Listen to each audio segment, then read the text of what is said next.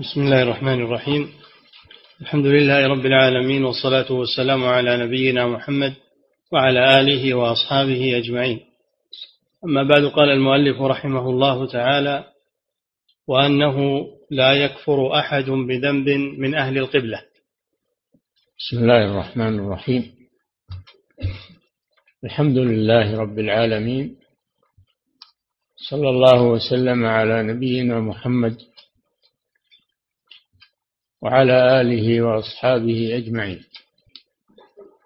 يقول الشيخ رحمه الله وأنه أي أن أهل السنة والجماعة يعتقدون أنه لا يكفر أحد بذنب من أهل القبلة. هذا أصل من أصول أهل السنة والجماعة أن ما دون الشرك من الذنوب والمعاصي أنه محرم وفيه وعيد ولكن لا يصل إلى حد الكفر وهو الخروج من الملة ما دام أنه يشهد أن لا إله إلا الله وأن محمد رسول الله ولا يشرك بالله ويقيم الصلاة ويؤتي الزكاة ويصوم رمضان ويحج البيت. فإنه إذا حصل منه ذنب دون الشرك ودون الكفر فإنه ينقسم إلى قسمين. إما كبائر وإما صغائر. وعلى كل فالكبيرة والصغيرة دون الشرك لا تقتضي الكفر. المخرج من الملة. قد تسمى كفرا أصغر أما أنها تخرج من الملة فهذا إنما يكون عند الخوارج الذين يكفرون المسلمين بالكبائر ويحكمون على مرتكب الكبيرة بالخلود في النار. هذا مذهب الخوارج الغلاة وهو مذهب باطل. ولذلك يكفرون أهل السنة ويقاتلونهم ويستحلون دماءهم وأموالهم بناء على هذا المذهب الخبيث المذهب الباطل. وأما أهل السنة والجماعة فيقولون كما سبق المعاصي تنقص الإيمان ولكنها لا تخرج من الملة تنقص الإيمان ولكنها لا تخرج من الملة. كما دلت على ذلك الأدلة من الكتاب والسنة. وقابلهم قابلهم المرجئة الذين يقولون الإيمان هو التصديق بالقلب. فما دام أنه مصدق بقلبه والعمل لا يدخل في الإيمان فإنه لا تضره المعصية. لا تضر فضلا عن أنه يكفر بها. لا تضر. يقولون لا يضر مع مع الإيمان معصية. كما لا ينفع مع الكفر طاعة. أما أنه لا ينفع مع الكفر طاعة هذا صحيح. أما أنه لا يضر مع الإيمان معصية هذا باطل. بل تضر المعصية. المؤمن تضره معاصيه. وإن كانت لا تخرجه من الملة لكنها تضر قد يعذب بها في النار. فأصحاب الكبائر عند أهل السنة والجماعة إن تابوا منها تاب الله عليهم وإن لم يتوبوا فهم تحت المشيئة. إن شاء الله غفر لهم وإن شاء عذبهم بقدرها. ثم يخرجون من النار بإيمانهم. وقد يبقون في النار مدة طويلة لكن يخرجون منها بإذن الله إما بشفاعة الشافعين وإما بانتهاء عذابهم وإما برحمة الله فمآلهم إلى الجنة. كما دلت على ذلك الأدلة الصحيحة. الله جل وعلا قال إن الله لا يغفر أن يشرك به ويغفر ما دون ذلك. لمن يشاء فمرتكب الكبيرة دون الشرك تحت المشيئة. إن شاء الله غفر له وإن شاء عذبه بها ثم يدخله الجنة. أما قول المرجئة أنها لا تضره هذا باطل. أنها تضره. قد يعذب بها في النار قد تضره المعصية قد تصيبه مصائب في الدنيا قد يعاقب. المعصية تضر وتنقص الإيمان فلا يتهاون بها. لكنها لا تصل إلى قول الخوارج إنه, إنه يكفر وأنه يخلد في النار. فكلا المذهبين باطل. ومذهب أهل السنة والجماعة هو الوسط. وسط بين المذهبين الباطلين حق بين ضلالتين. فالخوارج أخذوا بنصوص الوعيد. أخذوا بنصوص الوعيد. وقالوا بإنفاذ الوعيد. والمرجئة أخذوا بنصوص الوعد. وأهل السنة والجماعة أخذوا بالأمرين. أخذوا بنصوص الوعيد وبنصوص الوعد.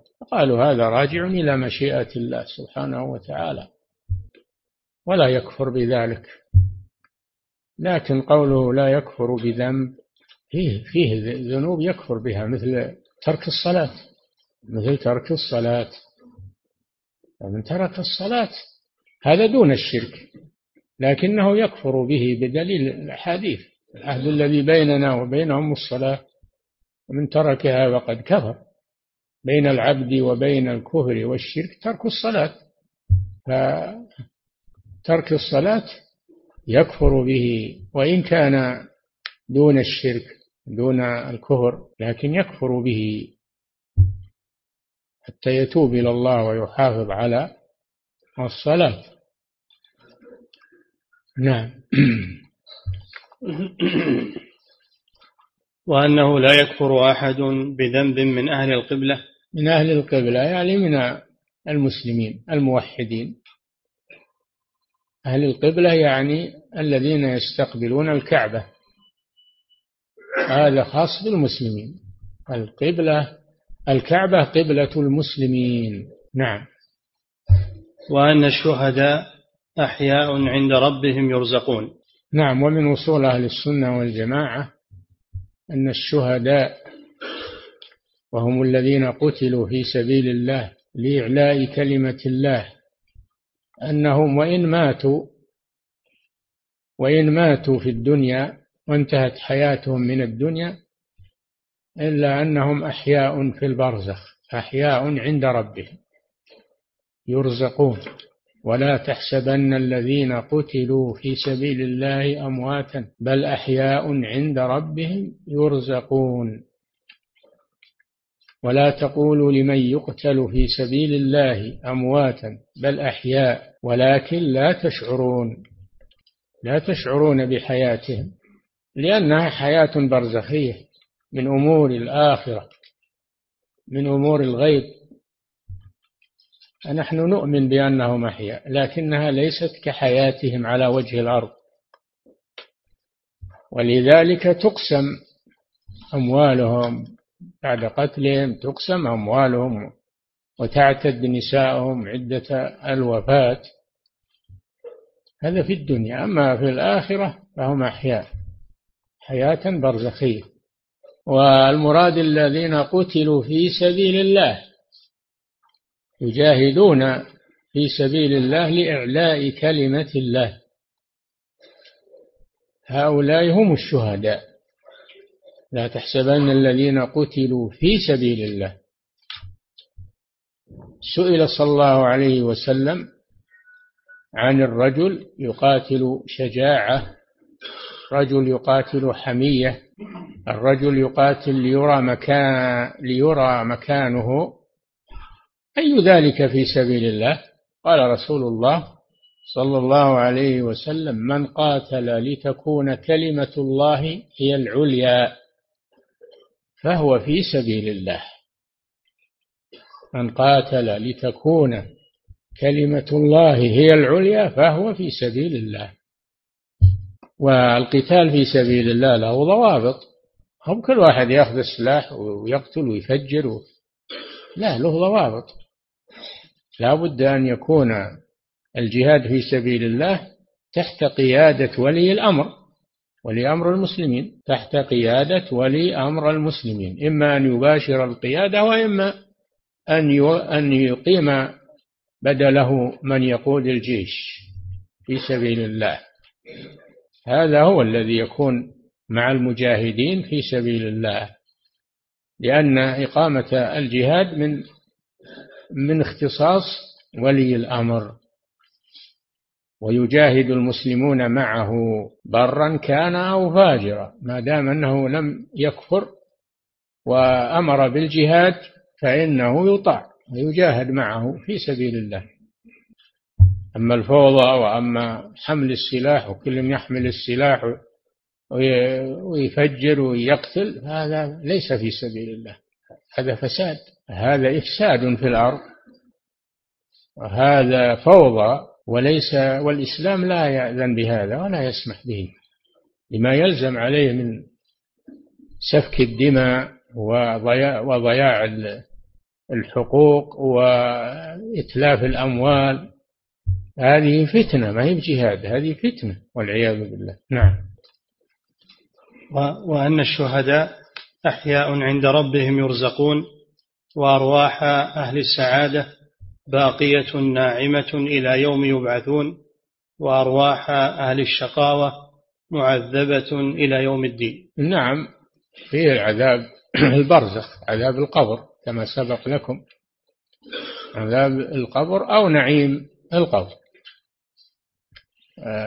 المؤمن ينعم في قبره يفتح له باب إلى الجنة ويأتيه من روحها وريحها ويفرش له من الجنة ويمد له في قبره يوسع له في قبره مد بصره إلى أن يبعثه الله يوم القيامة ثم يدخل الجنة ثم يدخل الجنة. لكن التنعيم ما هو للروح فقط. يكون للروح وللبدن. والبدن وإن تحلل وصار تراب فإنه يتنعم أو أو يعذب يصله العذاب. العذاب يقع على الروح وعلى البدن في القبر. هذا مذهب أهل السنة والجماعة ليس على الروح فقط. نعم. وأن المؤمنين يفتنون في قبورهم ويسألون. يثبت وأن المؤمنين يفتن والروح الروح لها تعلق بالبدن حتى في القبر. لها تعلق بالبدن.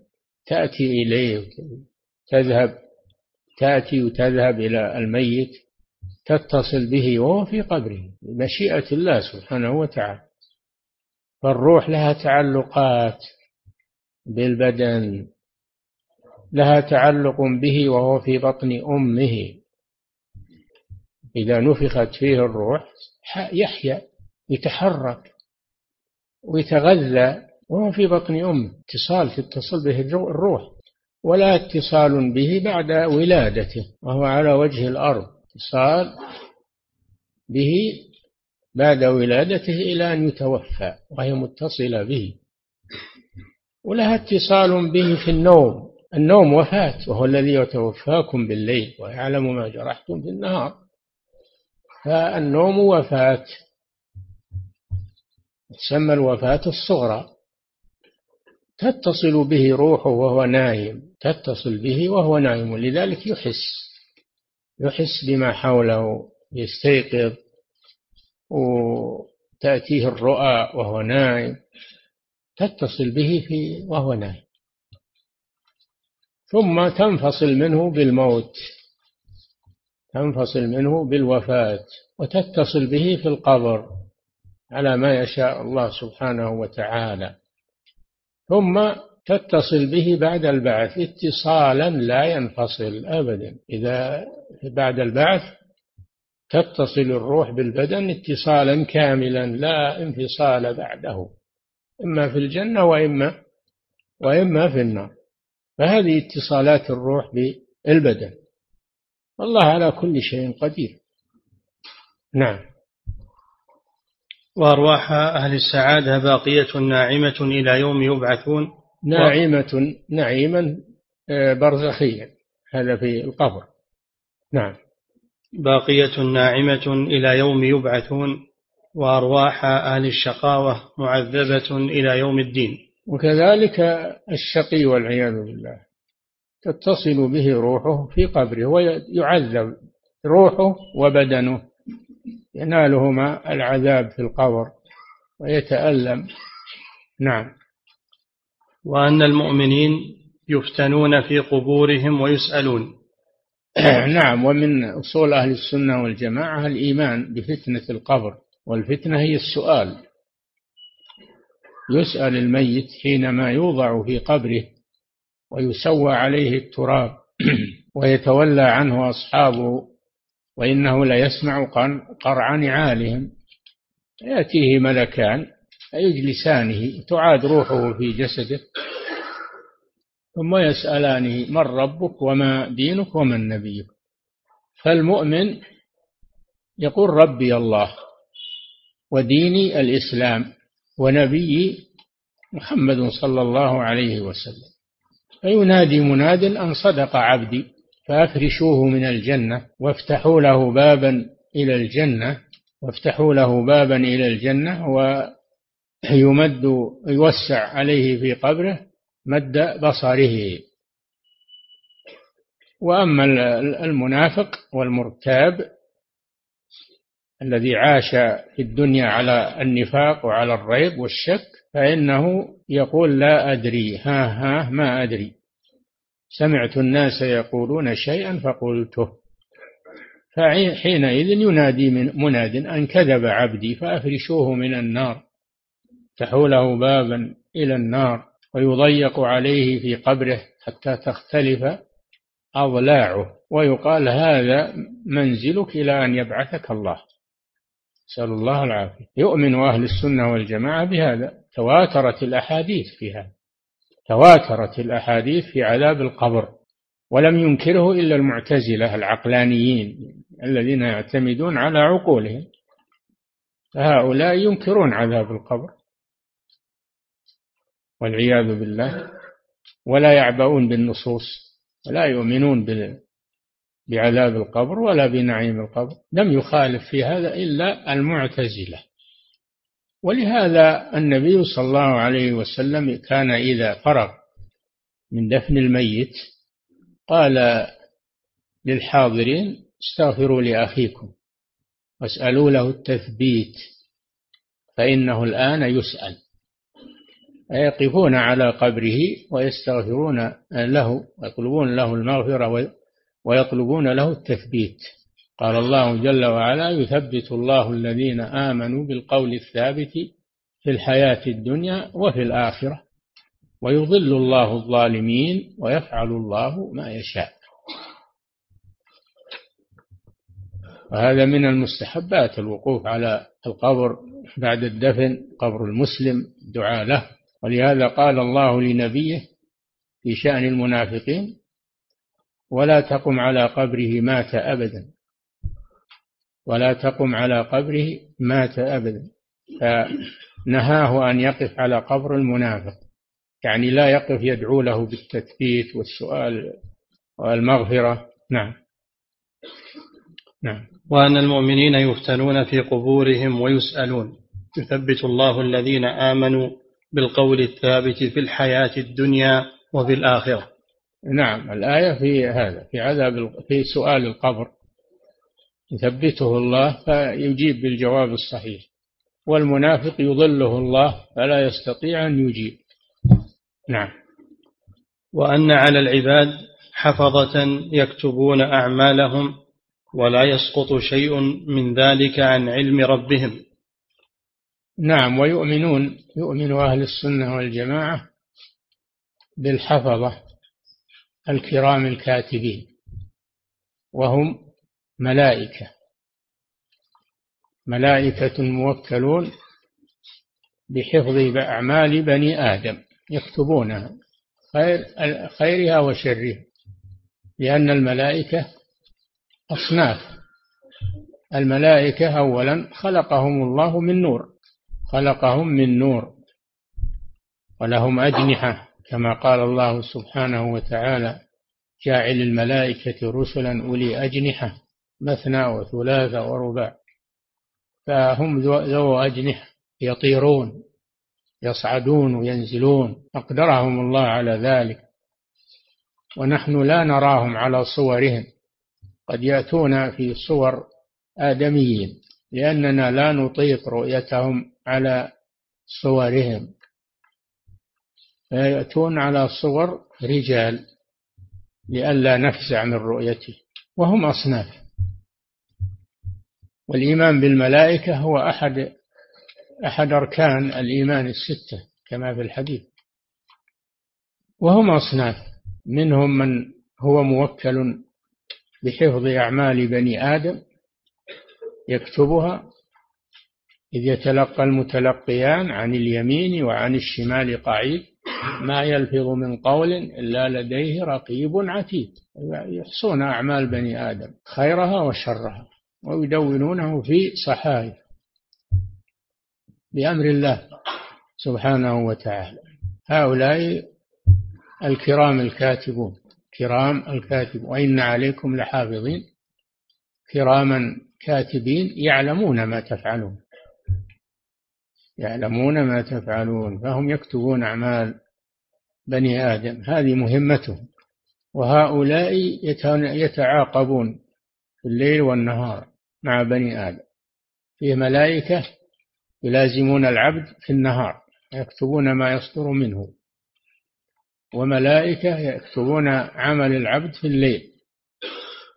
في الحديث يتعاقبون فيكم ملائكة بالليل والنهار يجتمعون في صلاة الفجر وفي صلاة العصر.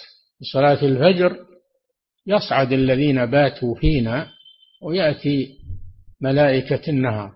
في صلاة العصر يصعد الذين كانوا معنا في النهار ويأتي ملائكة الليل وهكذا دائما وابدا. تعاقبون فيكم ملائكة بالليل والنهار.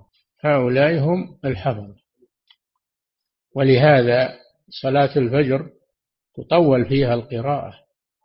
قال الله جل وعلا وقرآن الفجر أي صلاة الفجر سماها قرآنا لأنها تطول فيها القراءة. إن إن قرآن الفجر كان مشهودا. محظور. تحضره ملائكة الليل وملائكة النهار. وصلاة العصر هي الصلاة الوسطى وهي أفضل الصلوات.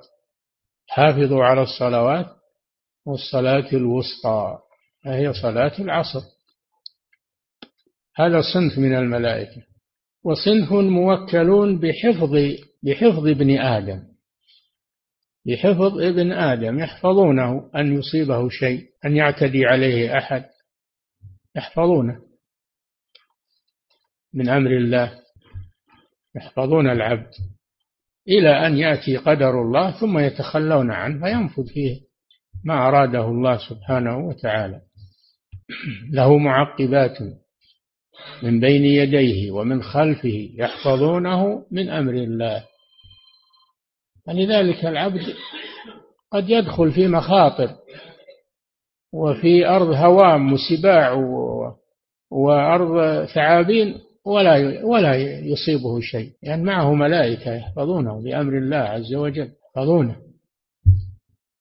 هؤلاء الذين المعقبات يسمون المعقبات له معقبات بين يديه ومن خلفه يحفظونه من أمر الله. ومنهم ملائكة موكلون بقبض الأرواح. ورئيسهم آه، ملك الموت. قل يتوفاكم ملك الموت الذي وكل بكم وله أعوان من الملائكة على قبض الروح وسياق الروح من الجسد. ثم إذا اجتمعت أخذها ملك الموت فقبضها هؤلاء حتى إذا جاء أحدكم الموت توفته رسلنا ملائكة. توفته رسلنا وهم لا يفرطون. ومن الملائكة من هو موكل بالنفخ في الصور وهو إسرافيل ينفخ في الصور فيصعق من في السماوات ومن في الأرض يموتون. ثم ينفخ فيه أخرى فهذه نفخة البعث ينفخ فيه أخرى فإذا هم قيام ينظرون. هذا إسرافيل عليه السلام. موكل بالنفخ في الصور ومنهم من هو موكل بالوحي وهو جبريل عليه السلام. ومنهم من هو موكل بالقطر المطر وهو ميكائيل عليه الصلاة والسلام.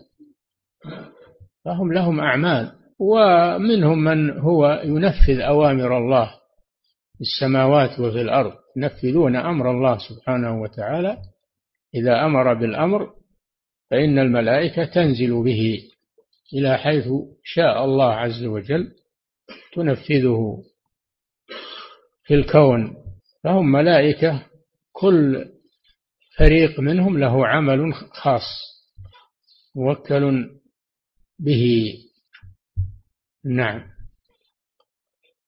وأن على العباد حفظة يكتبون أعمالهم ولا يسقط شيء من ليس ذلك. ليس معنى كتابة أعمال بني آدم أن الله لا يعلمها بل الله يعلمها سبحانه وإنما كتابتها لحفظها لئلا ليقابل بها العبد يوم القيامة. يقال هذا عملك هذه صحيفة اقرأ كتابك الله لا يعذب على العلم أنه يعلم كذا فيعذب عليه لا إنما يعذب على وقوع الشيء من الإنسان. على وقوعه. إذا وقع الملائكة تكتبه وتثبته في صحيفة. هذه الصحيفة تدفع إلى العبد يوم القيامة. كل إنسان ألزمناه طائره في عنقه ونخرج له يوم القيامة كتابا يلقاه منشورا. اقرأ كتابك. كفى بنفسك اليوم عليك حسيبا. تدفع إليه صحيفته إن كان من أهل الخير يأخذها بيمينه. وإن كان من أهل الشر يأخذها بشماله والعياذ بالله فيلقى عمله ولا ينكر منه شيئا. وإلا فالله يعلم سبحانه لكنه لا يعذب الناس على مجرد أنه يعلم ما يفعلون حتى يفعلوا حتى يفعلوا هذا الشيء في الواقع والمشاهد فهو يعذبهم على أعمالهم أو يكرمهم على أعمالهم. نعم. وأن على العباد حفظة يكتبون أعمالهم ولا يسقط شيء من ذلك عن علم ربهم. نعم. وأن ملك الموت يقبض الأرواح بإذن ربه. ملك الموت يقبض الأرواح بإذن ربه. قل يتوفاكم ملك الموت الذي وكل بكم. في الآية الأخرى توفته رسلنا وهم لا يفرطون. فما الجمع بين الآيات الجمع أن تقول الموت له ملائكة ولهم رئيس ولهم رئيس وهو ملك الموت. فالملائكة تجمع روحه من جسده وملك الموت يقبضها إذا اجتمعت. نعم. وأن ملك الموت يقبض الأرواح بإذن ربه. بإذن ربه سبحانه وتعالى. إذا شاء الله أن العبد يموت أرسل إليه ملك الموت في أجله المحدد. لا يزيد ولا ينقص. إذا جاء أجلهم لا يستأخرون ساعة ولا يستقدمون. نعم. وأن خير القرون القرن الذين رأوا رسول الله صلى الله عليه وسلم وآمنوا به. نعم. ومن أصول أهل السنة والجماعة أنهم يعتقدون أن خير القرون أي الأجيال أجيال الأمة خير أجيال الأمة هم جيل الصحابة الصحابة. والصحابة جمع صحابي والصحابي تعريفه من لقي النبي صلى الله عليه وسلم مؤمنا به ومات على ذلك. فمن آمن بالنبي صلى الله عليه وسلم ولم يلقه فليس بصحابي مثل التابعين ومن جاء بعدهم. ومن لقيه ولم يؤمن به فليس بصحابي. ولذلك الكفار لقوا النبي صلى الله عليه وسلم. لقيه أبو جهل وأبو لهب ليسوا صحابة لأنهم لم يؤمنوا به وإن لقوه ورأوه. وكذلك يشترط أن يستمر على الإيمان حتى يموت. فإن ارتد فإن ارتد عن الإسلام فإنه لا يكون صحابيا فلا بد من هذه الأمور الثلاثة. لقي النبي صلى الله عليه وسلم واجتمع به سواء طال اجتماعه ولقاؤه أو قصر ويكون مؤمنا به عند اللقاء عند لقائه به يكون مؤمنا به. وأن يستمر على الإيمان حتى الوفاة هذا هو الصحابي. وهم خير القرون بشهادة رسول الله صلى الله عليه وسلم. أنه قال خيركم قرني ثم الذين يلونهم ثم الذين يلونهم تابعون وأتباع التابعين قرون المفضلة. هؤلاء هم خيار الأمة المحمدية وأفضلهم من بعد الذين يتبعونهم الذين والسابقون الأولون من المهاجرين والأنصار والذين اتبعوهم بإحسان والذين جاءوا من بعدهم يقولون ربنا اغفر لنا ولإخواننا الذين سبقونا بالإيمان. ولا تجعل في قلوبنا غلا للذين آمنوا. ربنا إنك رؤوف رحيم. نعم. وأن خير القرون القرن الذين رأوا رسول الله صلى الله عليه وسلم وآمنوا به. الذين رأوه وآمنوا به. ما يكفي أنهم رأوه. لا بد أن يكونوا حال الرؤية مؤمنين به. نعم. ثم الذين يلونهم ثم الذين يلونهم. ثم الذين يلون الصحابة. في الفضل وهم تابعون القرن الثاني. ثم الذين يلونهم وهم أتباع التابعين. نعم. وأفضل الصحابة الخلفاء الراشدون المهديون. الصحابة يتفاضلون مع فضلهم مع فضلهم الذي انفردوا به عن الأمة واختصوا به عن الأمة الفضل لهم جميعا فضل الصحبة لهم جميعا ولكنهم يتفاضلون فيما بينهم فأفضلهم الخلفاء الراشدون وأفضل الخلفاء الراشدين أبو بكر رضي الله عنه ثم عمر ثم عثمان ثم علي رضي الله عنهم أجمعين. هؤلاء أفضل الصحابة الخلفاء الراشدون وهم يتفاضلون بينهم رضي الله عنهم. نعم. وترتيبهم في الفضل مثل ترتيبهم في الخلافة. نعم. وأفضل الصحابة الخلفاء الراشدون المهديون. نعم. أبو بكر ثم عمر ثم عثمان ثم علي. رضي الله عنهم أجمعين. ثم بقية العشرة المشهود لهم بالجنة وهم طلحة والزبير عبد الرحمن بن عوف سعد بن أبي وقاص آه، سعد بن أبي وقاص أسامة لا سعيد بن سعيد بن زيد بن الخطاب. نعم ابن عم عمر بن الخطاب. سعيد بن زيد سعد وسعيد. سعد بن أبي وقاص وسعيد بن زيد. ابن عم عمر بن الخطاب رضي الله عنهم وطلحة والزبير وعبد الرحمن بن عوف والخلفاء الأربعة. هؤلاء كم؟ نعم. أبو عبيدة بن الجراح. نعم نسينا. أبو عبيدة بن الجراح هؤلاء عشرة. هم العشرة المشهود لهم بالجنة. فيهم الخلفاء الراشدون. ثم أصحاب بدر ثم أصحاب بدر ثم أصحاب بيعة الرضوان. وفي الجملة المهاجرون أفضل من الأنصار. المهاجرون أفضل من الأنصار. ثم الذين أسلموا قبل الفتح. ثم الذين أسلموا بعد الفتح. كل هؤلاء صحابة كلهم صحابة لكن يتفاضلون فيما بينهم رضي الله عنهم وأرضاهم. نعم. وأن لا يذكر أحد من صحابة الرسول صلى الله عليه وسلم إلا بأحسن ذكر. نعم من أصول أهل السنة والجماعة الثناء على صحابة رسول الله وألا يذكر أحد منهم إلا بأحسن الذكر. رضي الله عنهم لأن الله مدحهم وأثنى عليهم ورضي عنهم. فلا يذكر أحد منهم من الصحابة إلا بأحسن الذكر. ولهذا قال صلى الله عليه وسلم لا تسبوا أصحابي والذي نفسي بيده لو أنفق أحدكم مثل أحد ذهب ما بلغ مد أحدهم ولا نصيفه. نعم. وأن لا يذكر أحد من صحابة الرسول صلى الله عليه وسلم إلا بأحسن ذكر.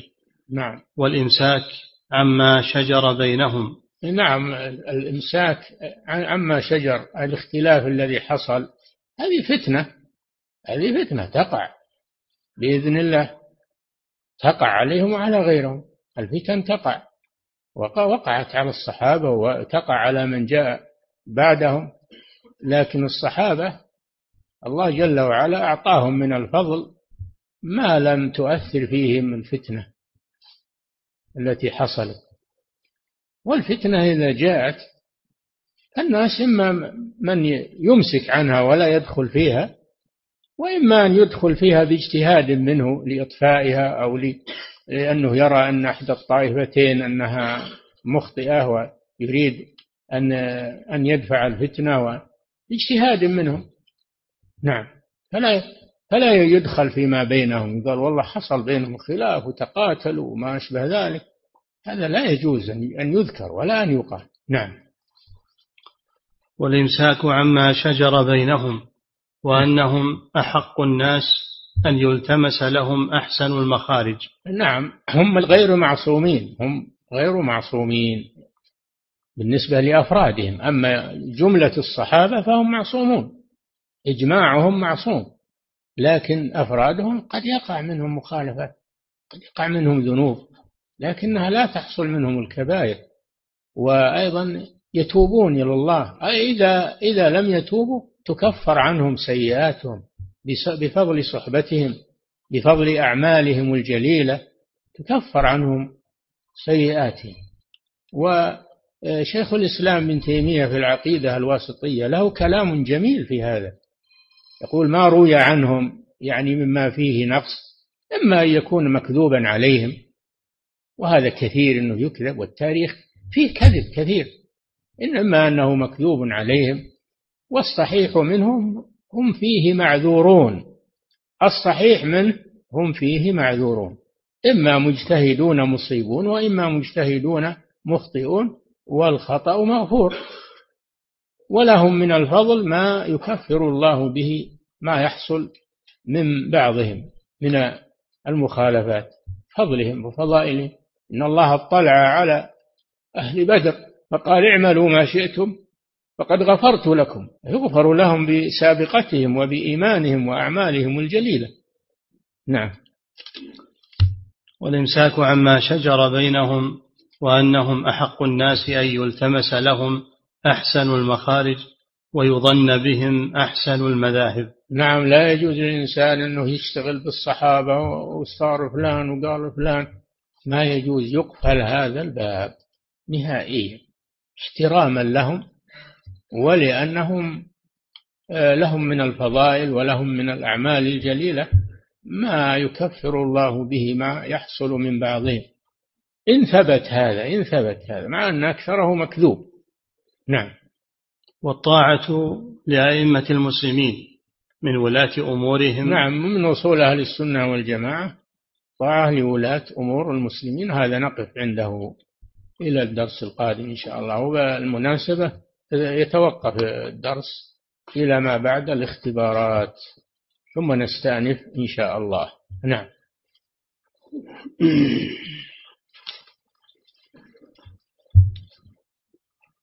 فضيلة الشيخ وفقكم الله. يقول السائل بما يخرج المسلم من دائرة أهل السنة والجماعة؟ يخرج من دائرة أهل السنة والجماعة إذا خالف أهل السنة والجماعة في هذه الأصول.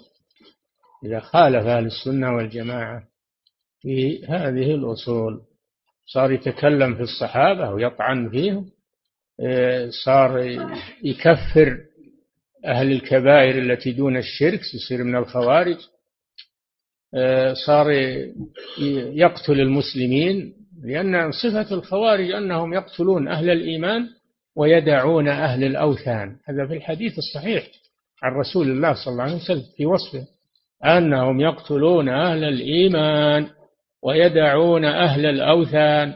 ولذلك ما تجدون الخوارج على مر التاريخ أنهم قاتلوا الكفار وإنما يقاتلون المسلمين والعياذ بالله لأنهم خرجوا عن مذهب أهل السنة والجماعة. كذلك المرجئة يخرجوا خرجوا من مذهب أهل السنة والجماعة. تهاونوا بالذنوب وسهلوها على الناس ويقولون لا يضر مع الإيمان معصية. كيف إيمان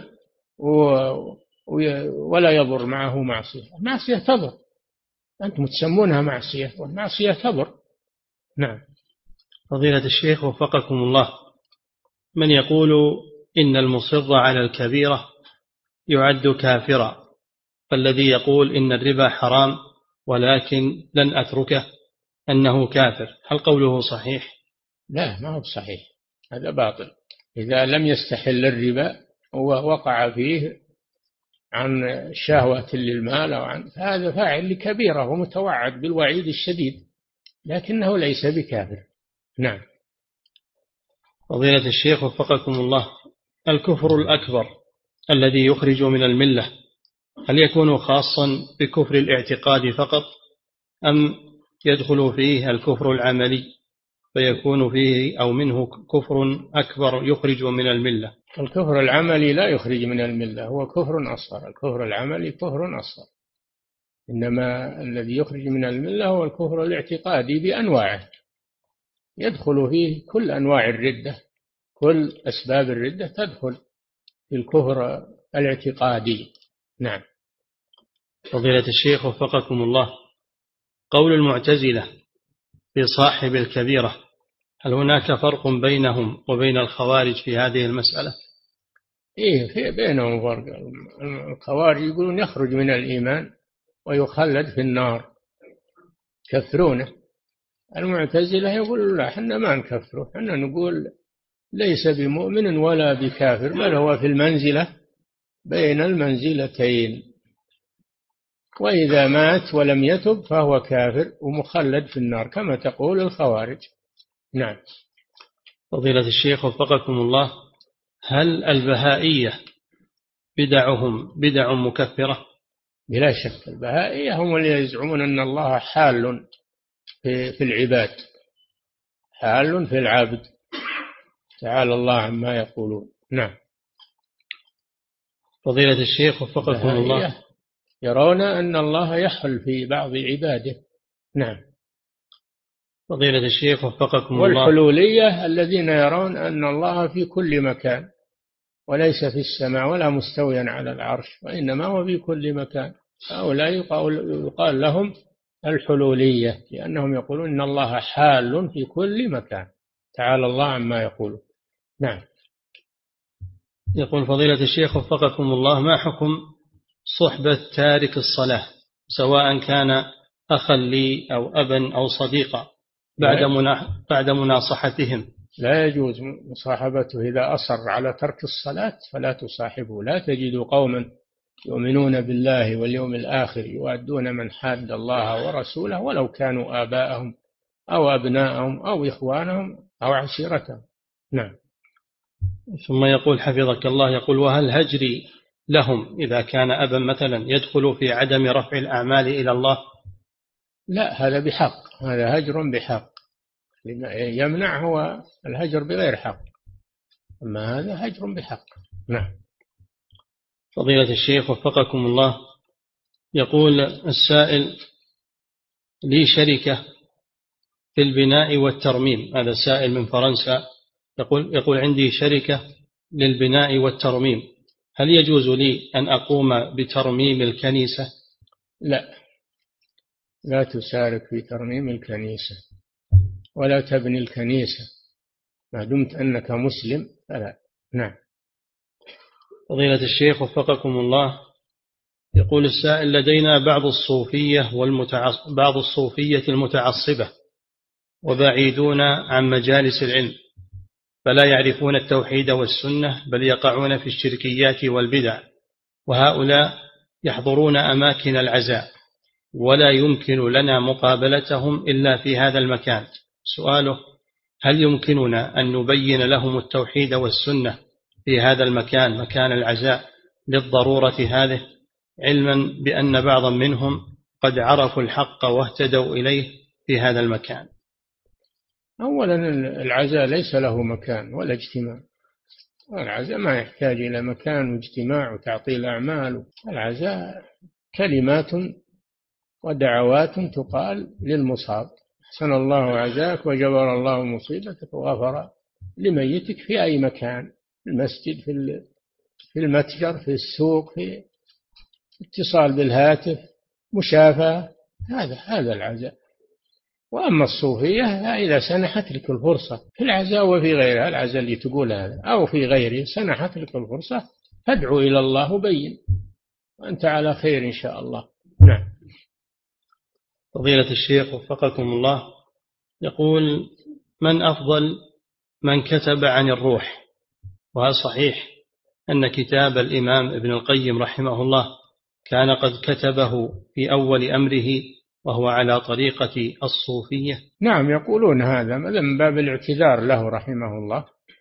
والكتاب فيه فوائد عظيمة وفيه أشياء فيها نظر توقف لكن فيه فوائد عظيمة ومباحث عظيمة. قد حقق الآن وطبع طباعة جيدة فيستفاد منه مما فيه من المباحث الطيبة ويترك ما فيه من الإشكالات. وأما أنه متى ألفه الله أعلم. نعم. فضيلة الشيخ وفقكم الله هل هل هو كان هو كان صوفيا صحيح. هو اعترف بهذا واعترف بالأغلاط يقول يا قوم جربت هذا كله ووقعت في تلك الشباك وكنت ذا طيران حتى أتاح لي الإله بفضله من ليس تجزيه يدي ولساني. إمام أتى من أهل من أهل حران فيا أهل فيا أهلا بذاك العالم الرباني؟ آه، فلم فلم تفلت يداه يدي حتى أراني مطلع الإيمان. فهو اعترف بهذا بالنونية. نعم.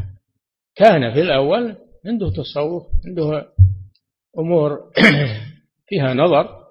فلما اتصل بهذا الحبر الإمام شيخ الإسلام بن تيمية انتفع به وعرف الحق وأنتج من العلم الشيء الغزير والتحقيق رحمه الله. نعم. فضيلة الشيخ وفقكم الله يقول هل هل عيسى عليه الصلاة والسلام حيا حياة برزخية أم حياة عادية؟ عيسى عليه السلام ما مات رفعه الله رفعه الله إليه وهو حي وينزل في آخر الزمان ثم يموت في آخر الزمان. وإن من أهل الكتاب إلا ليؤمنن به قبل موته. يعني في آخر الزمان. في آخر الزمان بعد نزوله. أما قوله جل وعلا إني متوفيك فالمراد بالوفاة. هنا ليست وفاة الموت. إنما هي وفاة آه، القبض. يعني قبضه الله ورفعه إليه سبحانه وتعالى وهو حي. نعم. فضيلة الشيخ وفقكم الله. يقول السائل ابني عمره ستة وعشرون عاما. ولم ابني يقول عمره ستة وعشرون عاما. ولم يصلي الأوقات المفروضة. قد نصحته لأكثر من مرة ليحافظ عليها ولكنه لم يستمع إلي. يقول ماذا أصنع معه حتى لا يكون علي ذنب؟ إذا كان يستقل بنفسه ويعيش فاطرده. لا يبقى عندك. أما إذا كان ما يستقل بنفسه ولا يستطيع أن يعيش فاصبر عليه وأنفق عليه ولا تزال تأمره بالصلاة تلزمه بالصلاة. يعينك الله إن شاء الله ويهديه الله يفتح الله على قلبه. لا تيأس. نعم. فضيلة الشيخ وفقكم الله تارك الصلاة هل يقتل كفرا أو حدا؟ فلو كفرا ردة. ترك الصلاة ردة يقتل كفرا. حد الردة. نعم. فضيلة الشيخ وفقكم الله يقول من المعلوم أن الأدلة قد تواترت في إثبات الميزان والشفاعة وعذاب القبر ونعيمه فما حكم من كذب بذلك بعد علمه به؟ إذا كذب به بعد علمه به وهو متواتر يكفر بهذا يكفر بهذا لأنه ليس له عذر. نعم. فضيلة الشيخ وفقكم الله الاستحلال للمعاصي. هل يكفر من فعل ذلك؟ وهل المعاصي تختلف بالنسبة للاستحلال؟ الاستحلال ما أجمع على تحريمه. انتبهوا ما أجمع على تحريمه من استحله كفر. أما ما وقع فيه خلاف لا ما ما يكفر من آه، من استحله لكن يكون مخطئا. وينبه ويبين له أن, هذا القول أنه خطأ. وأن الدليل كذا وكذا يبين له هذا لكن لا يكفر. نعم. فضيلة الشيخ وفقكم الله يقول السائل هل الملكان منكر ونكير؟ عليهما السلام. عملهما واحد أم لكل منهما عمل خاص به؟ كما قال الله جل وعلا عن اليمين وعن الشمال قعيد اللي عن اليمين يكتب الحسنات واللي عن الشمال يكتب السيئات. نعم. فضيلة الشيخ وفقكم الله يقول حق هل حقا ما يقوله بعض طلبة العلم أن مذهب أهل السنة والجماعة وعقيدتهم في صحابة رسول الله صلى الله عليه وسلم أنهم كلهم نشهد لهم بالجنة؟ نعم. الصحابة نشهد لهم بالجنة. نشهد لهم بالجنة الصحابة. نعم. فضيلة الشيخ وفقكم الله يقول السائل يقول ما ضابط القرن قرني ثم الذين يلونهم ثم الذين يلونهم. القرن هم الجيل الجيل الذين أدركوا النبي صلى الله عليه وسلم وصحبوه هؤلاء هم القرن. فإذا انقرضوا فاللي يأتون بعدهم القرن الثاني وهم التابعون. نعم. فضيلة الشيخ وفقكم الله يقول السائل هل صح أن خازن الجنة اسمه رضوان؟ وأن مالك وأن مالكا خازن للنار. نعم هذا في القرآن يا مالك.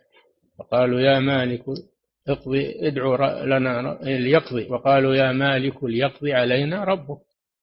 سماه الله مالكا هذا خازن النار. وأما ملك الجنة فهذا ثبت في السنة أنه أنه رضوان. نعم. ثم يقول حفظك الله. وهل ثبت أن هناك من الملائكة من ليس لهم عمل سوى العبادة؟ نعم. يسبحون الليل والنهار لا يفترون منهم ناس للعبادة دائما وابدا. نعم. فضيلة الشيخ وفقكم الله يقول هناك علم وسماه يقول علم يدعي صاحبه بأنه يستطيع معرفة شخصية الفرد من خلال خطه بالقلم على الورقة واكتشاف الأمراض التي يعاني منها الشخص إذا نظر إلى خطه. يقول هل يصدق من يدعي هذا العلم لأنهم قد بدأوا بالانتشار وادعائه على الشاشات؟ هذا كله من الأراجيف ومن الكذب. هذا كله من الأراجيف ومن الكذب. لا يعرف الشخص إلا من خلال أعماله من خلال أعماله وتعامله مع الناس يعرف. ما مجرد الخط؟ هذا لا. نعم. فضيلة الشيخ وفقكم الله يقول هل الملائكة تعلم ما في صدر الإنسان من أعمال الخير والشر؟ وهل يكتب عليه ما نواه؟ تعلم ما أطلعها الله عليه. تعلم الملائكة ما أطلعهم الله عليه. والنية؟ نعم النية الله جل وعلا يقول لملائكته من هم بحسنة ثم عملها فاكتبوها عشر حسنات. ومن هم بحسنة فلم يعملها اكتبوها له حسنة واحدة. ومن هم بسيئة إن عملها اكتبوها سيئة واحدة. وإن تركها خوفا من الله اكتبوها حسنة. نعم. فضيلة الشيخ وفقكم الله يقول هل ثبت حديث للرسول صلى الله عليه وسلم فيما معناه أن ملك السيئات ينتظر ست ساعات قبل أن يكتب السيئة فإن لم يستغفر العبد كتبها سيئة واحدة؟ والله لا أعلم هذا ما أدري. نعم. فضيلة الشيخ وفقكم الله يقول هناك أسئلة كثيرة حفظكم الله تسأل عن ضابط الجهاد الشرعي. في سبيل الله وهل يشترط في جهاد الدفع أن يكون تحت راية؟ كله لا بد تحت راية. بدون راية لا ينضبط يصير فوضى لا بد من راية في الجهاد في سبيل الله. لا بد من هذا. الدفع والطلب. لا بد أن يكون تحت راية ولي الأمر. يضبط الجهاد ويضبط الناس يمنع الفوضى. نعم. فضيلة الشيخ وفقكم الله يقول ما حكم الذين يكفرون الصحابي الجليل معاوية رضي الله عنه ويقولون نحب الصحابة كلهم إلا أبا سفيان ومعاوية؟ هل هؤلاء يعدون الله العافية. نسأل الله. نحن نحب الصحابة كلهم. ومعاوية رضي الله عنه ذنبه عند هؤلاء أن الله جمع به المسلمين بعد الفتنة وسمي عام ولاية عام الجماعة وساس المسلمين سياسة حكيمة. فهو خير ملوك الإسلام رضي الله عنه وأرضاه. هذا من ناحية عمله وأما من ناحية من ناحية فضله فهو صحابي صحابي جليل صحب النبي صلى الله عليه وسلم وغزا معه وجاهد معه ومن كتاب الوحي وهو أخو أم حبيبة بنت أبي سفيان زوج النبي صلى الله عليه وسلم. نعم. فضيلة الشيخ وفقكم الله هل من لقي الرسول صلى الله عليه وسلم ولم يؤمن به إلا بعد موته عليه الصلاة والسلام يعد صحابيا؟ لا يشترط حال الرؤيا أن يكون مؤمنا به فإن تأخر الإسلام حتى مات الرسول فإنه يكون تابعيا يكون من التابعين. نعم. من فضيلة الشيخ وفقكم الله من آمن بالرسول صلى الله عليه وسلم ولقيه ثم ارتد عن الإسلام وبعد وفاته عليه الصلاة والسلام تاب من ردته. فهل يعد صحابيا؟ والله هذا فيه خلاف منهم من يقول تبطل صحبته ولو تاب. ومنهم من يقول لا ترجع إليه الصحبة. وهذا مبني على من تاب. من من تاب إلى الله عز وجل. هل ترد عليه أعماله التي كان يعملها قبل الردة أو لا ترد؟ على قولين منهم من يرى أنها ترد كالإمام الشافعي. وذلك بقوله تعالى ومن يرتد منكم عن دينه فيمت وهو كافر. فأولئك حبطت أعمالهم فرتب حبوط الأعمال على أمرين الردة والموت عليها.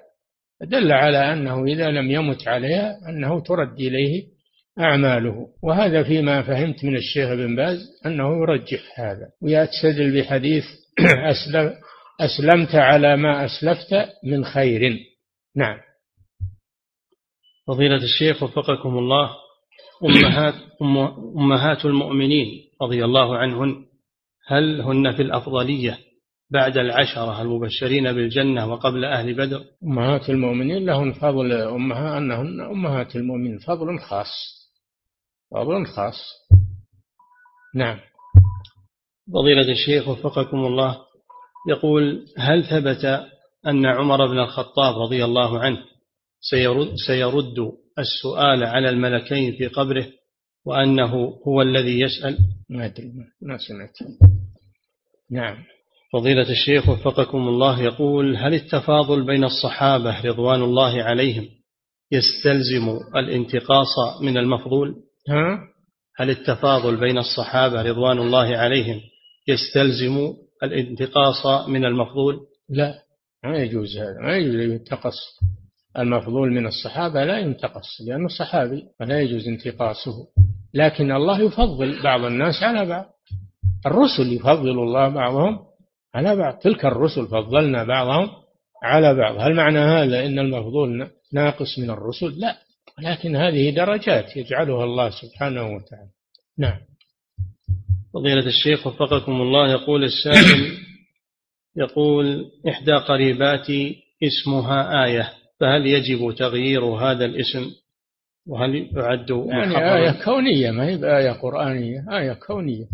والآيات على قسمين آيات كونية وآيات قرآنية. ولعله يقصد أنها آية يعني أنها من مخلوقات الله نعم. فضيلة الشيخ وفقكم الله من يقول أنا أمشي في حياتي على هوايا وعلى الشرع. كانوا من الشيعة يقولون الآيات. أئمتهم يسمونهم آيات آية الله العظمى. نعم. فضيلة الشيخ وفقكم الله من يقول أنا أمشي في حياتي وفي أموري على الهوى وعلى الشرع. ها؟ من يقول أنا أمشي وأسير في حياتي على الهوى وعلى الشرع فلا على, على هواه. والشيء الثاني. والشرع. ها؟ وعلى الشريعة. الشريعة. نعم. إيه. فلا أعتمد في أمور الحياة على الشرع فقط. يقول ما حكم قوله هذا؟ لا يجوز له أن يقول الكلام هذا. يقول أنا أمشي على الشريعة. إذا حصل منه هوى يتوب منه. لا لا يقول الكلام هذا. نعم. فضيلة الشيخ وفقكم الله.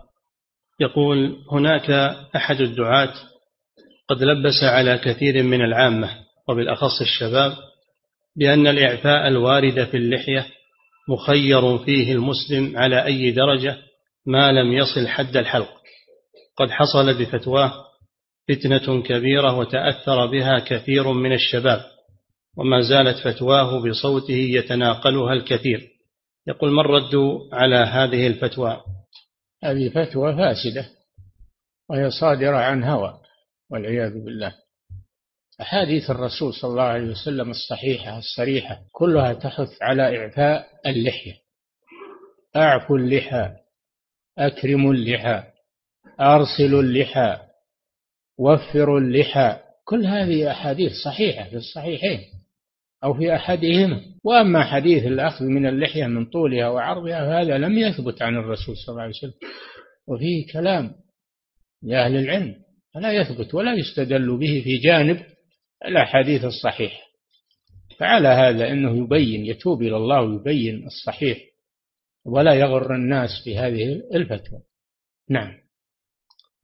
فضيلة الشيخ وفقكم الله يقول هناك من يدعو إلى الثورات والمظاهرات ويقول إنها تختلف من بلد إلى بلد.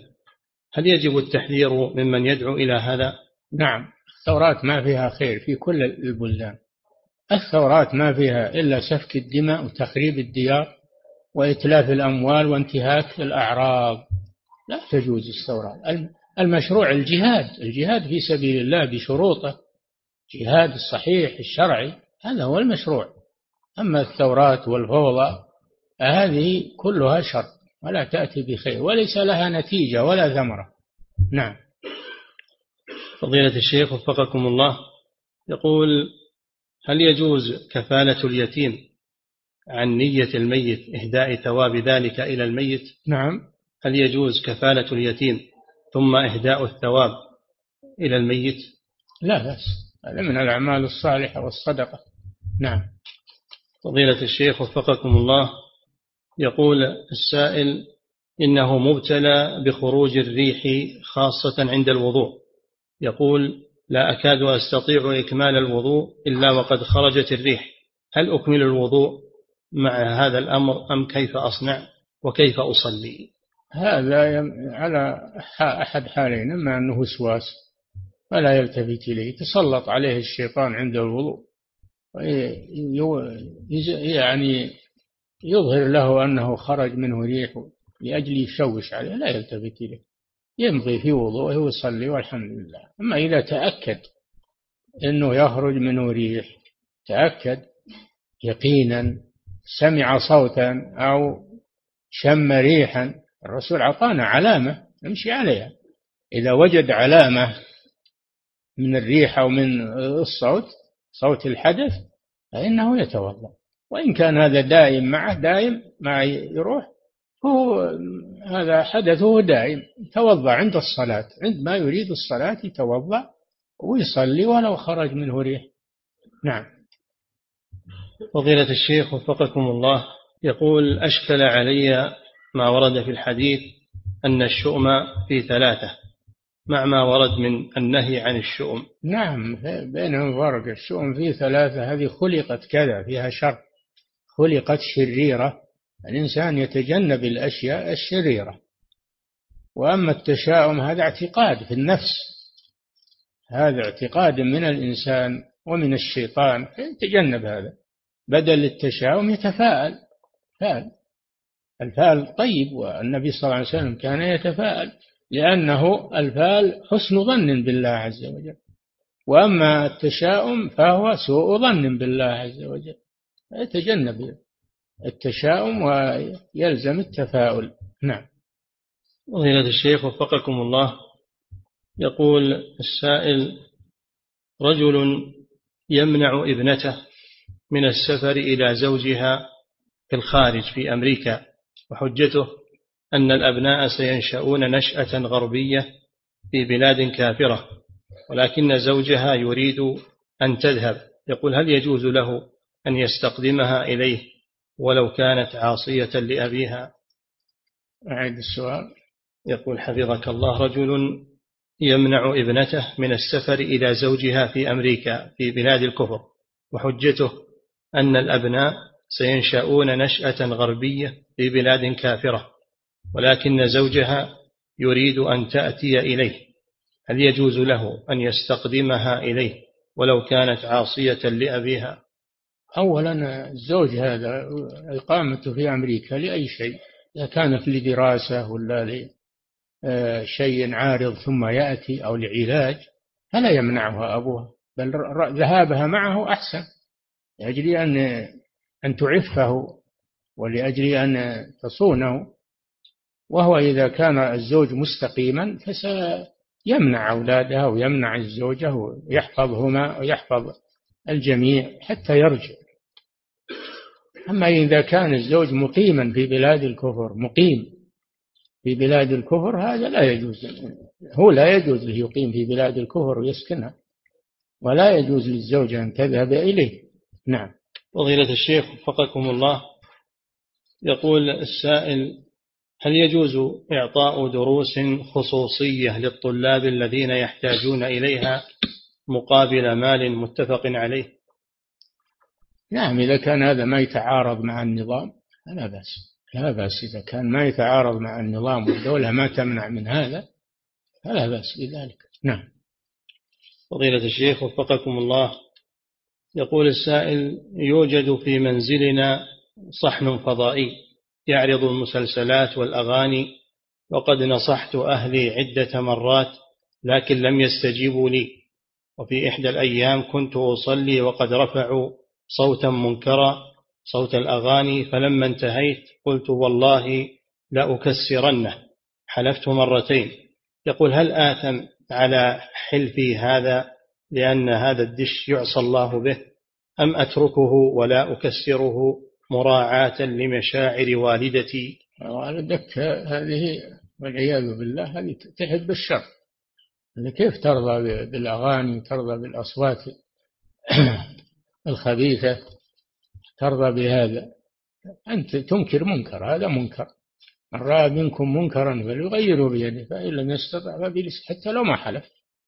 فإن لم يستطع فبلسانه فإن لم يستطع فبقلبه. وذلك أضعف الإيمان. لا بد من إنكار المنكر والوالدة اللي تحب الشر هذه لا خير فيها هذه لا خير فيها ولكن عليك بنصيحتهم ومسايرتهم بالموعظة الحسنة والجدال بالتي أحسن حتى يهديهم الله عز وجل. نعم. فضيلة الشيخ وفقكم الله يقول كيف تكون الرقية للأبناء والتعويذ لهم؟ هل تكون مرة في اليوم أم في الصباح والمساء؟ الصباح والمساء طيب. نعم. فضيلة الشيخ وفقكم الله.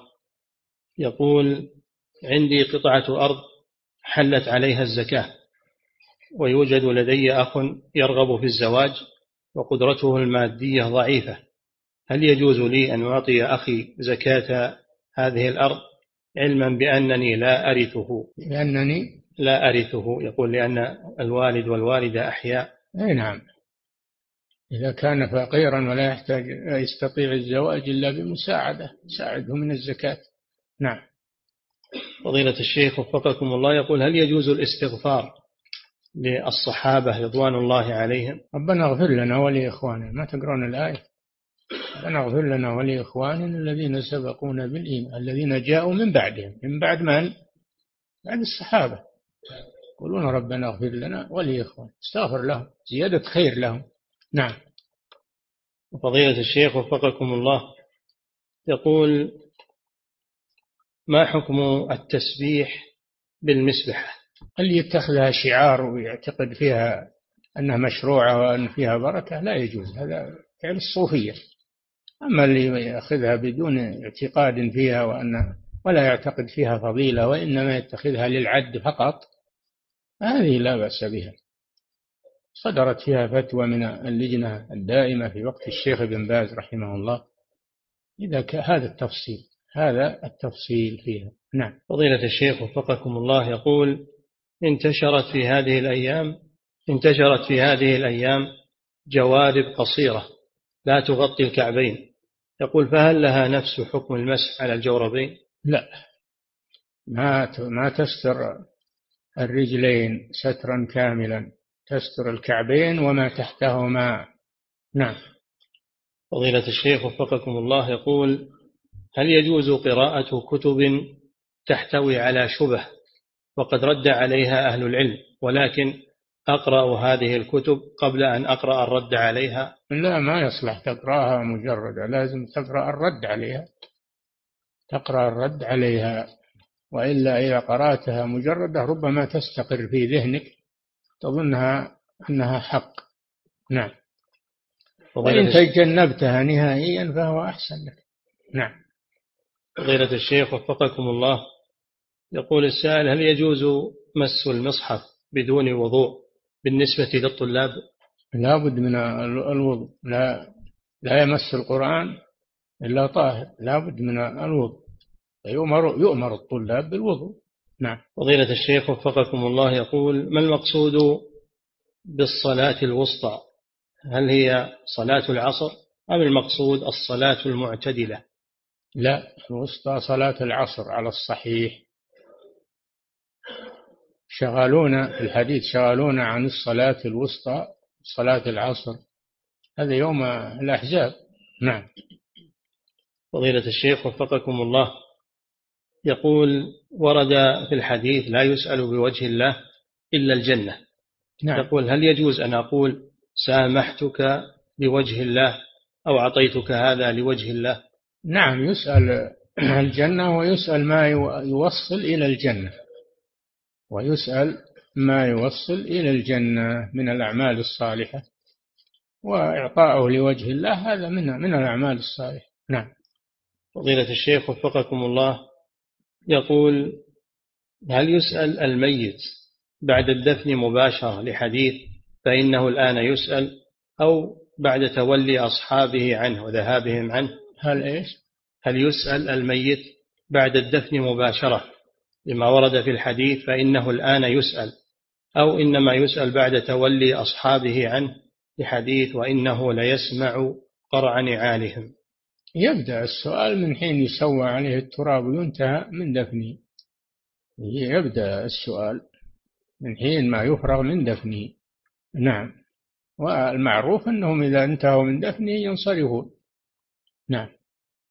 انتهى. الله تعالى أعلم وصلى الله وسلم على نبينا محمد وعلى آله وصحبه.